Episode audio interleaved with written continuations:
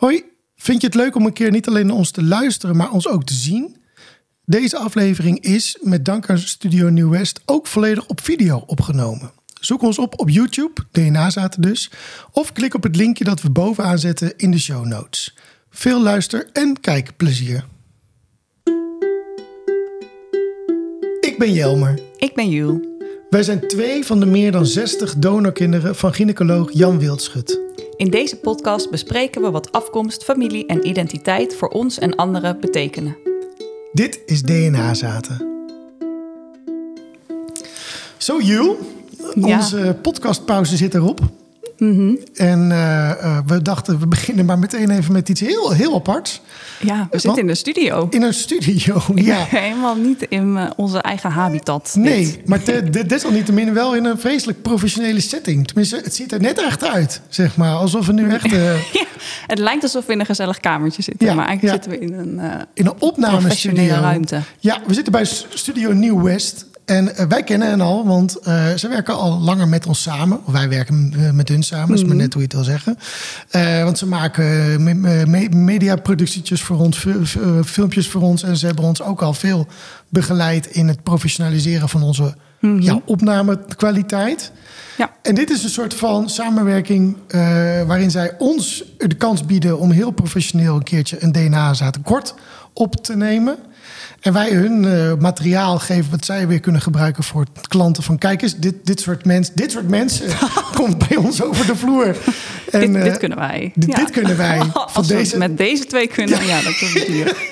deze twee amateurs hebben we ook een professionele podcast gegeven. Ja, dat is een eh, dus we, hebben, we hebben camera's om ons heen staan die ons eh, filmen. Ja, Eh, en we hebben inderdaad een supermooie studio setting. En we gaan met elkaar over de actualiteit eh, praten. ja want dit is weer eh DNA staat kort, nummer vier. Ja, vier in totaal. Ja.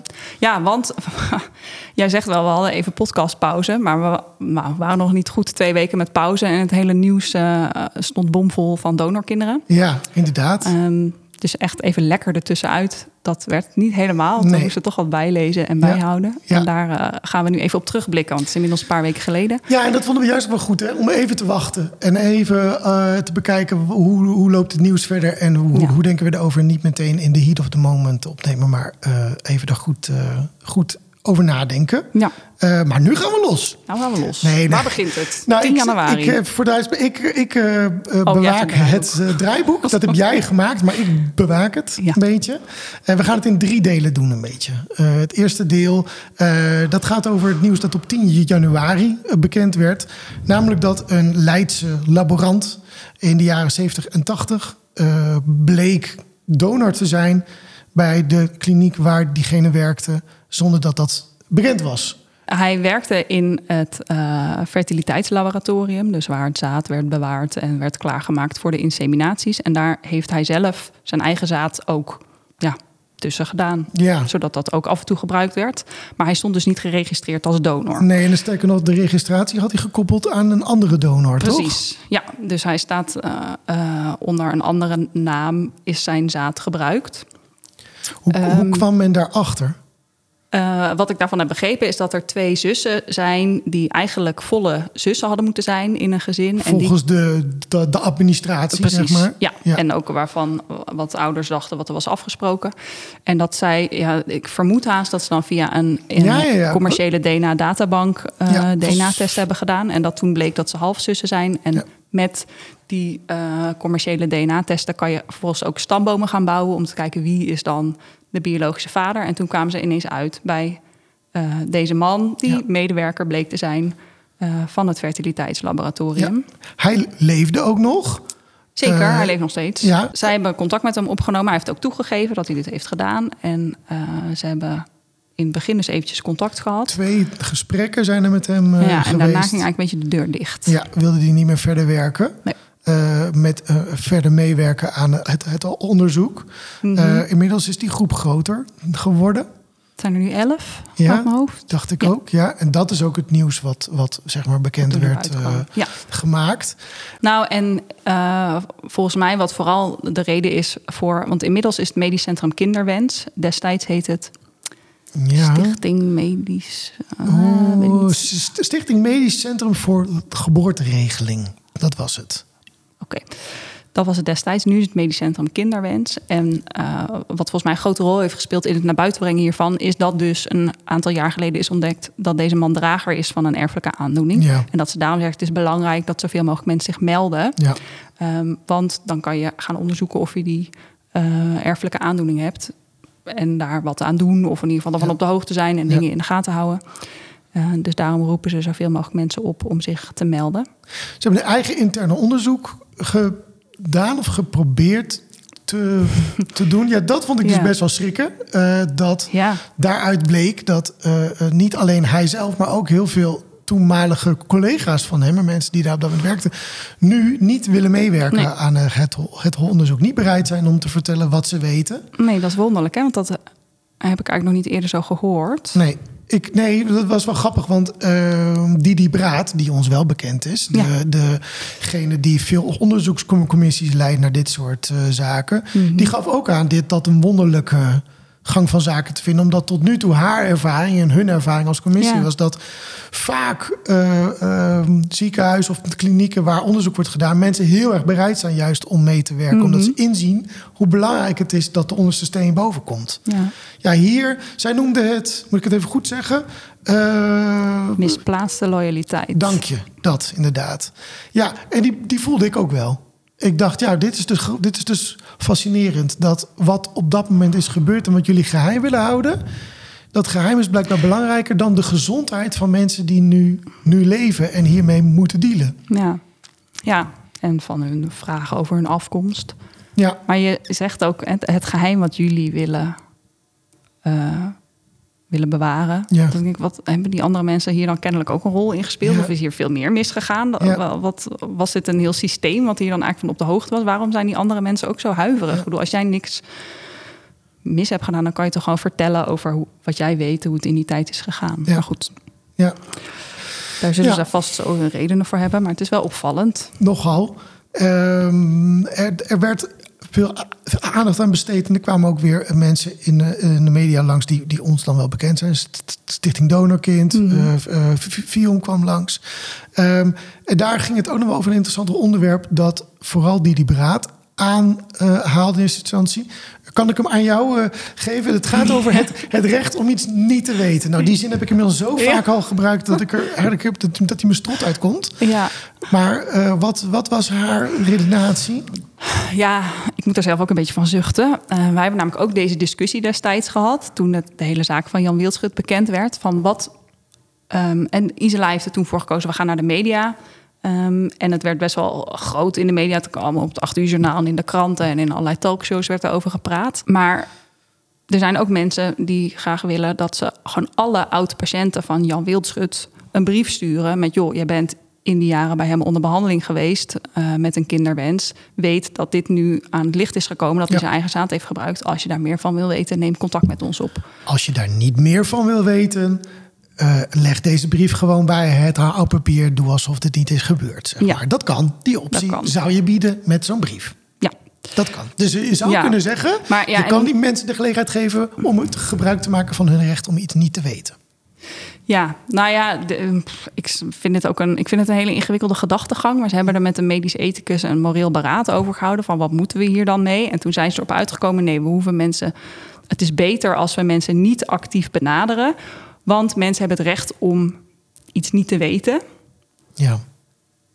En nou, dat was de conclusie en daar bleef het bij. En ik, ik vind dat heel lastig. Ik weet dat jij dat ook een hele lastige opvatting vindt. Weet je wel. Want ik denk, ja, zolang jij niet weet dat er iets te weten valt, kan je ook niet kiezen of je het wel of niet wil weten. Je moet eerst weten, er is iets. En dan eh, kan je bepalen, oké, wil ik hier meer van weten? Wil ik dit onderzoeken? Of, eh oké, ter kennisgeving, prima, maar ik ga er verder niks mee doen. Nee. Hoe dan ook, die overtuiging komt maar telkens weer Ja. terug en telkens weer terug. En Ja. ook nu weer, hè? Ja, en dat is een beetje. eh, dat vind ik het vervelende daaraan. Dat, dat moreel beraad is toen gedaan zonder dat wij als betrokkenen daar verder bij aanwezig zijn geweest. Dus dat is alleen de professionals onderling hebben het daarover gehad. En die zijn hierop uitgekomen. En nu wordt dat steeds een beetje gecopy-paste naar alle volgende schandalen. En ook nu zegt dus die Beraad... oh wat goed dat jullie niet actief alle mensen die onder behandeling zijn geweest... in deze Leidse kliniek hebben benaderd... Want mensen hebben ook het recht om het niet te weten. Ja. En ja, ik denk dan, goh, als je dit nieuws aan je voorbij gaat, om wat voor reden dan ook, ja. Ehm, dan weet jij helemaal niet dat er iets te weten valt. Nee. En ik denk, je moet juist proberen om die mensen te achterhalen, op te sporen. En ze in ieder geval te zeggen: joh, je bent bij ons onder behandeling geweest en daar zijn dingen misgegaan in die tijd. En als je daar verder onderzoek naar wil laten doen, ja. Ja. laat het ons dan weten. Ja. Nou ja, dus dat, dat, dat blijft een frustrerend puntje. Ja. Um, we wilden nog even onze luisteraars op tippen dat zowel Volkskrant als AD hier best mooie, goede, uh, doorwrochte artikelen over hebben mhm. geschreven. We zullen ze in de show notes even zetten. Ja. Um, dus dat is denk ik nog wel de moeite waard om je daarin te verdiepen. En ja, een laatste gedachte misschien. Dit is natuurlijk een voorbeeld van mensen die uh, uh, door een donorcode dachten uh, gewoon familie van elkaar te zijn. Dus de administratieve match leek er te, te zijn. Ja, dit is dus een voorbeeld alweer waarin dat, dus, waarin dat het niet zo blijkt te zijn. En hoe belangrijk het dus is dat je uh, uh, altijd ook een, een DNA-test doet. Of je DNA laat opnemen in een, internationale, een internationale databank. Of bij FIOM, of beide.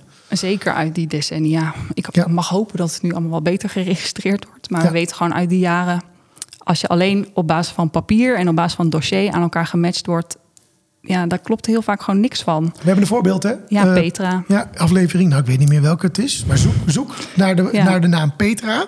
Ergens in de eerste uh, eh, 15 afleveringen, volgens mij, zit hij. Met haar gaan we in gesprek omdat zij dit meegemaakt heeft. Ja, zij kreeg al zelfs... Op basis van haar dossier was ze gekoppeld aan een donorvader en halfbroers en zussen. En dat ze contactgegevens van. Ja, ja, En, toen, en ze dacht al op basis van het donorprofiel, dacht ze... nou, hoe kan dit nou mijn biologische vader zijn? Nou snap ik niks meer van genen. Nee. Uh, en uh, ik weet niet of ze al contact had opgenomen, maar dan moet je de aflevering voor luisteren. Ja. maar ze werd in ieder geval niet lang daarna gebeld door VIO, omdat ze uh, gematcht was aan Jan Wildschut op basis van DNA. Ja. Nou, DNA, DNA niet. Dat, is onze, dat wordt de, de titel van onze DNA-zaadkort. Ja. Toch? Zullen we dat gewoon doen? DNA ligt niet. Ja. Uh, dit is wel een mooi bruggetje. Nou, een mooi bruggetje niet. Maar het is een, een bruggetje naar uh, het volgende nieuw, nieuwsbericht. We waren nog geen week verder. Uh, en toen kwam mm. het, het, LUMC, het Leids Universitair Medisch Centrum. Maar weer Leiden. ja, weer, weer Leiden. Toevallig. Uh, maar ik dacht wel even, huh, gaat het nou over hetzelfde? Gaat het niet? Nee. Uh, dit was een ander, dit was het ziekenhuis daar, het voormalige academisch ziekenhuis in Leiden. Die met het nieuws kwam zelf. Onze, administra onze administratie rond donorconceptie in de jaren 70, begin jaren 80 volgens mij ook nog, klopt helemaal niet. Is niet, niet betrouwbaar en uh, daar, moet daar moet onderzoek naar worden gedaan, maar dit moet naar buiten worden gebracht. Ja, ja. Best wel bijzonder dat een ziekenhuis daar zelf mee komt, toch? Ja, en ook wel bijzonder omdat uh, wij elkaar wel even hebben aangekeken van ja, dit is toch geen nieuws. Dit weten we toch al lang. Dat er gewoon niks klopt van al die dossiers. Niet alleen in ons ziekenhuis, in, in het Sophia ziekenhuis in Zwolle. Maar we horen zoveel verhalen van donorkinderen in de, uh, in de geheime groep met donorkinderen op Facebook. In de andere podcast van de Kwakkwaak. Je hoort zoveel verhalen waarbij die hele dossiers zijn weg. Waterschade, verbrand, weet ik het. Jan Wilson knipte alle donorcodes eruit. Ja. Wat is er nieuw? Ja, dus ik, dacht, ik dacht, ja, maar dit is toch, dit weten we toch al lang. Maar ik was er wel blij mee. Ik denk dat het een beetje komt omdat er op dat moment toevallig even niet ander nieuws was. Dan kunnen. Uh, of omdat het toch al uh, donorkinderen in het nieuws waren door ja, de week daarvoor. dus dan kun je het nog weer niet. oppakken. Maar ik heb, uh, ik heb de uh, journalist van de, de NOS de, de, de avond ja. ervoor aan de telefoon gehad. We zijn de RTL Nieuws de dag erop gebeld... waardoor onze halfbroer Misha nog s'avonds met 14 seconden volgens mij in de uitzending zat. Maar het was wel heel tof dat hij dat heeft gedaan. Uh, het was opeens, het werd er echt uh, ja. nieuws van gemaakt. Maar ik vond dat wel goed, want daardoor werd opeens de oproep vanuit, vanuit een ziekenhuis zelf. Ja. Jongens, er moet landelijk onderzoek worden gedaan. Dit moet grondig worden aangepakt. De ondersteen moet boven. Dat was opeens nieuws. Ja, en dat is eigenlijk voor het eerst hè, dat een ziekenhuis echt jongen, jongen, jongen, wat zijn er veel dingen misgegaan? Ja. Misschien moeten we dit eens met z'n allen gewoon goed gaan uitzoeken. Ja. Niet alleen wij, maar landelijk. Wat is er allemaal gebeurd in die decennia Ja. in de wereld van de fertiliteitszorg? Ja. Ehm, en dat zij daar ook wel een rol voor de overheid in zien. Nou, hier, hier. Hier hebben we het al vaker over gehad. Ja, Ehm, ja, dat kunnen we denk ik alleen maar onderschrijven. Ja, waar, waar we natuurlijk een beetje nu aan voorbij gaan bedenken net... is dat waarom ook de, de, de, de NOS bij mij aan de telefoon hing... was omdat er een linkje met Jan Wildschut zit. Ja, Eh. Hij heeft, voordat hij in Zwolle eh, eh, ging werken... heeft hij een tijd lang ook in Leiden gezeten, bij Mhm. dat ziekenhuis. Ja, en ze hadden in hun oproep staan van 1979 tot 1984 bleek een heleboel van hun dossiers niet te kloppen. En in die vier jaar daarvoor, geloof ik, 1973 tot 1979, werkte Jan Wildschut in het AZL, het Academisch Ziekenhuis Leiden, wat nu het LUMC is, Leids Universitair Medisch Centrum. Ehm, en hij heeft daar eigenlijk de eh, spermabank opgezet. Ja. ja, dus de logische vraag was ook... Goh, hebben jullie eigenlijk ook ha- halfbroers en zussen... die een link hebben eh, Ja. richting Leiden? Ja, of Jan Wildschut ook in Leiden zelf heeft gedoneerd. Ja, nou, het Naar mijn antwoord- weten tot nu toe nog niet. Nee, voor zover wij weten is daar echt geen enkele, enkele indicatie nu van. Nee, nou hebben we groep. natuurlijk een stuk of zes, denk ik, matches die wel aan ons gematcht zijn, maar dat wij dan niet weten wie die persoon Ja, is. Ja. Zou, het zou Wellicht daar iemand tussen kunnen. uit Leiden, maar voor Kans. zover we weten eh, heeft hij dit alleen in Zwolle gedaan. Hij is ook in Zwolle heeft, Niet meteen niet begonnen, meteen begonnen. Nee. Hij heeft het eerste, tenminste voor zover we dat dan nu weten, maar pas vanaf 1984 is hij zijn eigen zaad gaan gebruiken. Blijft toch een mysterie. Ja. ja, Maar in Leiden, eh, want waar ze achter kwamen in de eh, in dossiers, is dat van een heleboel donorkinderen niet meer te achterhalen is wie de donorvader is. Nou, volgens mij is dat meer regel dan uitzondering. ja, Ehm, maar dat ook eh, zaad van sommige donoren veel vaker is gebruikt dan is afgesproken. Want ze hadden toen al een maximum van 25. En er was volgens mij één donor, die waren nu 90 kinderen aangematcht. Ja. ja, Ja. dat was ook in die tijd gewoon niet oké. nee. Dus ze hebben daar ook de, nou, de regels niet zo. eh, Ja. wat doe je met regels? Niet zo nauw genomen. nee, en die lap je aan je laars. Ja, als je in de jaren 70 of 80 eh, aan de donorconceptie doet. Sorry, nu word ik een beetje, nou, een beetje cynisch. Ja, maar, nee, maar ze, bedoel, het hele idee dat je er ooit achter kon komen wie de, je donor was, dat hadden ze natuurlijk helemaal geen weet van. Nee. Die hele DNA-technologie, dat bestond gewoon nog niet. Dus ze Nee. dachten, hier gaat nooit een haan naar kraaien. Nee, precies. Nou ja, eh, het, is, het is goed dat het, dat, het, dat het in het nieuws kwam. Eh, veelvuldig eh, eh, mensen die met donorkinderen of met donorconceptie te maken hebben... in het nieuws ook Mhm. geweest. We zagen veel St- Stichting Donorkind en FIOM ook weer Ja, voorbij komen. Die wel, vond ik goed, de strekking wisten te verwoorden ook wel. Eh, eh, Ties van der Meer, voorzitter van de Stichting Donorkind... die gaf onder andere ook aan... en ja, dat is altijd wel heel heftig om dat te horen... maar hij heeft eigenlijk wel een punt. Er is gewoon fraude gepleegd eigenlijk... met ehm, ja, Ja. afkomstgegevens. Mhm. En dat is best wel Ja, heftig als je met het daarover maken nadenkt. van mensen. Ja. ja. Ja, dus dat daar onderzoek naar gedaan eh, moet worden, dat lijkt me, eh, dat lijkt me heel erg eh, duidelijk. Ja, en ik denk nog een andere reden waarom de overheid daar een rol in moet spelen, is omdat de overheid destijds ook de subsidies gaf voor deze behandelingen. Ja, ja, Eh, dus dan ja, heb je daar ook een rol in. En nu zijn daar een heleboel mensen uit voortgekomen die allemaal vragen hebben en eh, problemen hieromtrent. En dan geef je niet thuis. Ja. Dus ik vind eigenlijk, ja, als je toen hebt geholpen, help dan nu ook. ja, Ehm, en ga dit gewoon goed uitzoeken. Wat is er in hemelsnaam in die decennia gebeurd binnen de fertiliteitszorg dat er zoveel mis heeft kunnen gaan? Ja. Want dat nu in een kwart van de fertiliteitsklinieken uit die tijd misstanden zijn geweest dat eh, medewerkers eigen eh, zaad hebben ingebracht. ja, Een kwart van de klinieken. ja, dat is wel heftig. Sorry hoor, maar dan kan je toch niet meer van incidenten spreken? Dan- Nee, dat was natuurlijk nadat er na ons al andere gevallen bekend Ja. werden, was dat al eh, niet meer te zeggen. Maar nu als je het over een kwart hebt, dat, dat cijfer is voor mij ook, voor mij ook nieuw. Die moet ik Ja, ja. even in mijn, be- in mijn schoolbezoeken erbij dat gaan noemen. kwam ook in die laatste eh, nieuwsberichten pas naar voren. Ja, nou, Ja, maar dat zegt wel iets over. Kijk, nu wordt het elke keer als een incident gezien of als een individu die rare dingen heeft gedaan. Maar ja, dat gaat er bij mij gewoon niet meer in. Als het zoveel is voorgekomen, er is iets geweest in die tijd. Er zijn, hier hebben ze het met z'n allen over gehad onderling of weet ik het. Maar ja, er was in ieder geval een omgeving die het ook makkelijk maakte om, om dit Ja. te doen.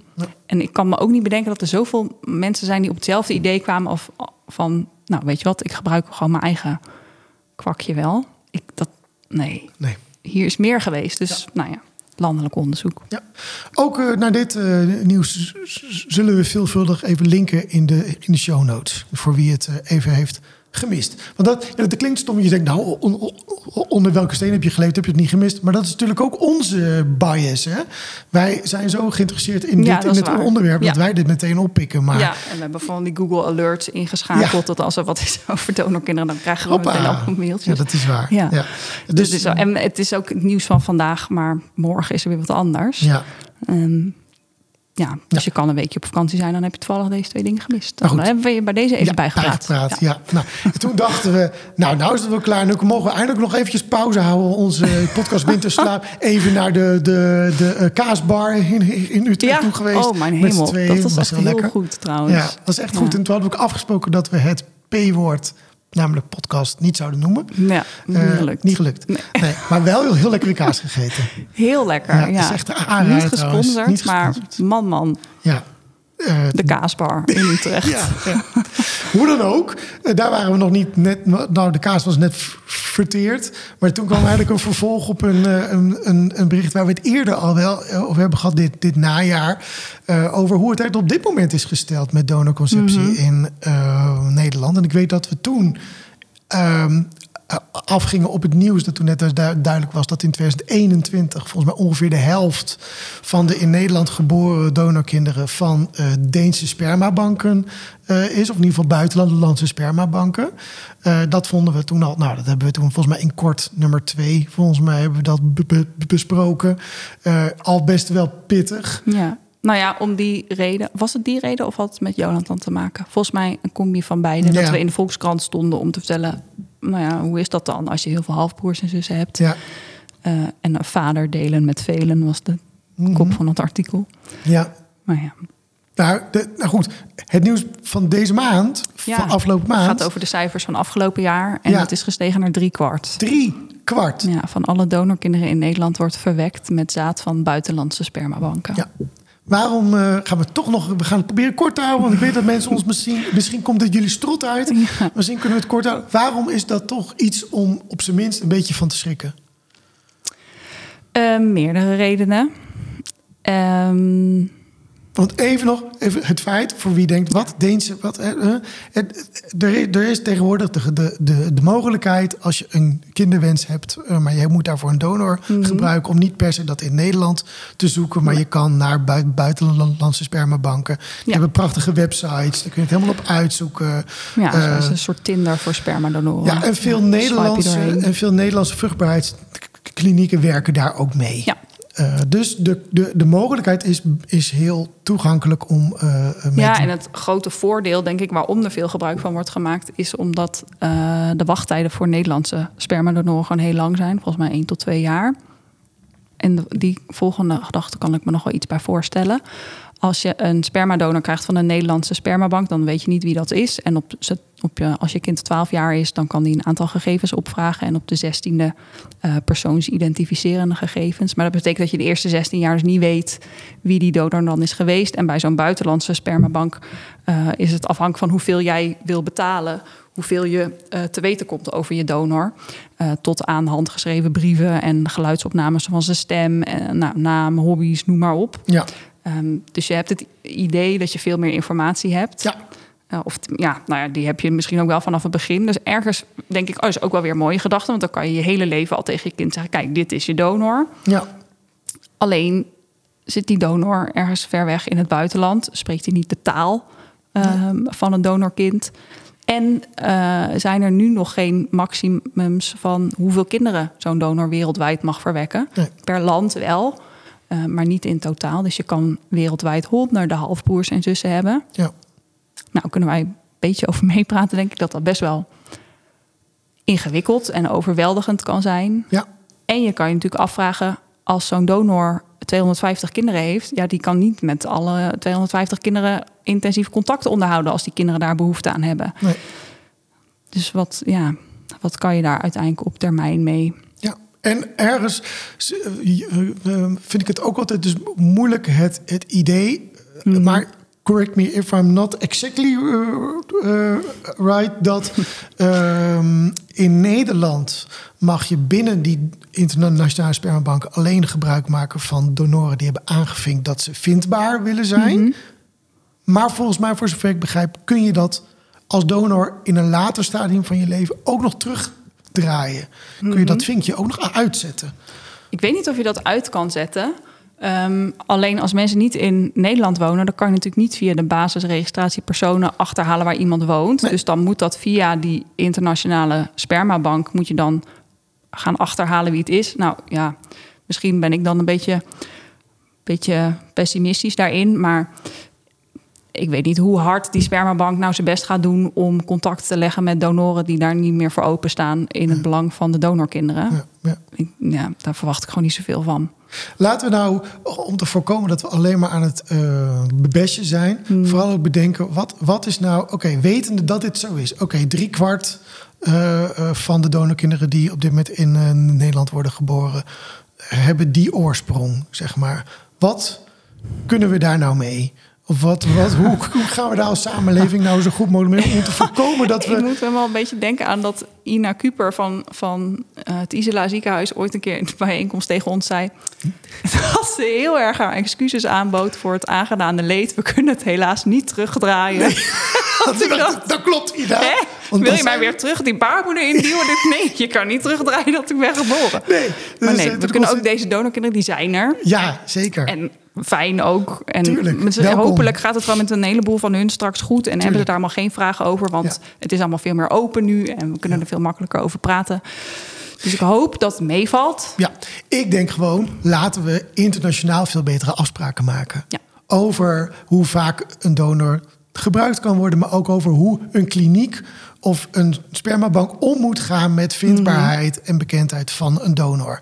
Dus dat, dat dat soort dingen vastgelegd zijn. Dat je, dat je weet dat er, Ja. er garantie is voor iemand die op zoek wil naar di- diens wortels, die op zoek wil naar eh, diens biologische vader, dat dat kan. Ja. Dat die wegen niet per ongeluk toch over zoveel jaar eh, doorgeknipt zijn. ja, dat er ergens een wet voor komt die nou ja, opkomt voor de kinderen. Ja, ja. Ja.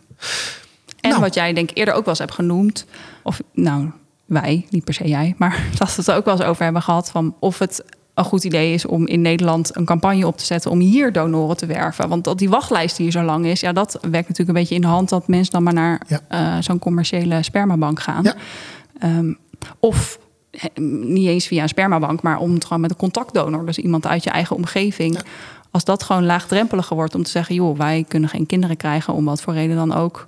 Wil jij ons daarbij helpen?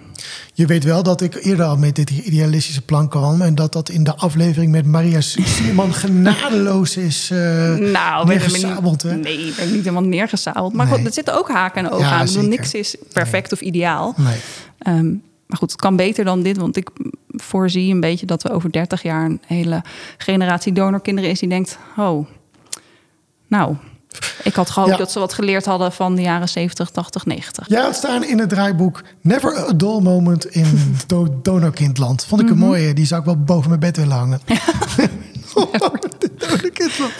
Eh, maar goed, eh, daar, daarmee sluiten we al een beetje af, hè? De- Deze kort. eh, Ja, voor mijn gevoel zijn we hier doorheen gesjeest. ja, maar DNA zat kort, Jules. Dat moet ook. ja, oh ja. Mand. Nou, Dit- mand. Ja. Zat een mand. Tot over twee weken. Ja, eh, want over twee weken gaan we door met de reguliere afleveringen die we maken. Jullie hebben eh, eh, onze vorige aflevering, als je die nog niet neer hebt geluisterd, doe dat alsjeblieft. Met Lena Plantinga. Prachtig. Heel veel reacties op gehad over Ja. het prachtige gedicht dat ze speciaal voor DNA Zaad heeft geschreven. Dus mensen, luister dat. Ja. En over twee weken ook een heel bijzondere aflevering met Rosjanek, een van onze halfzussen. Ja, Oh, dat is zo enorm mooi naar uit. Want dat was zo indrukwekkend. Ja. ja. Ja, dus mensen blijven Veel om jullie op te verheugen. Ja, dank jullie wel voor het luisteren en dank je Jules voor deze Ja, opname. jij ook. En bedankt mensen hier in de studio. Ja, eh, en dan hopen we maar dat ze het een beetje goed op beeld hebben staan. ja. Doeg! Doeg. Dit was DNA Zaten, een podcast van Jelmer en Jules. Wil je ons steunen? Ga dan naar vriendvandeshow.nl slash DNA Zaten. Je kunt ons ook volgen. Kijk dan op Instagram, @dnazaten. Heb je behoefte aan meer informatie? Kijk dan op de websites van FIOM, Stichting Donorkind en het landelijk informatiepunt Donorconceptie. De linkjes vind je in de show notes en op dnazaten.nl. Ben je op zoek naar verdieping? Lees dan de roman Kit, KID, die Jelmer heeft geschreven over zijn verhaal en die je kan vinden in de boekhandels. Tot de volgende!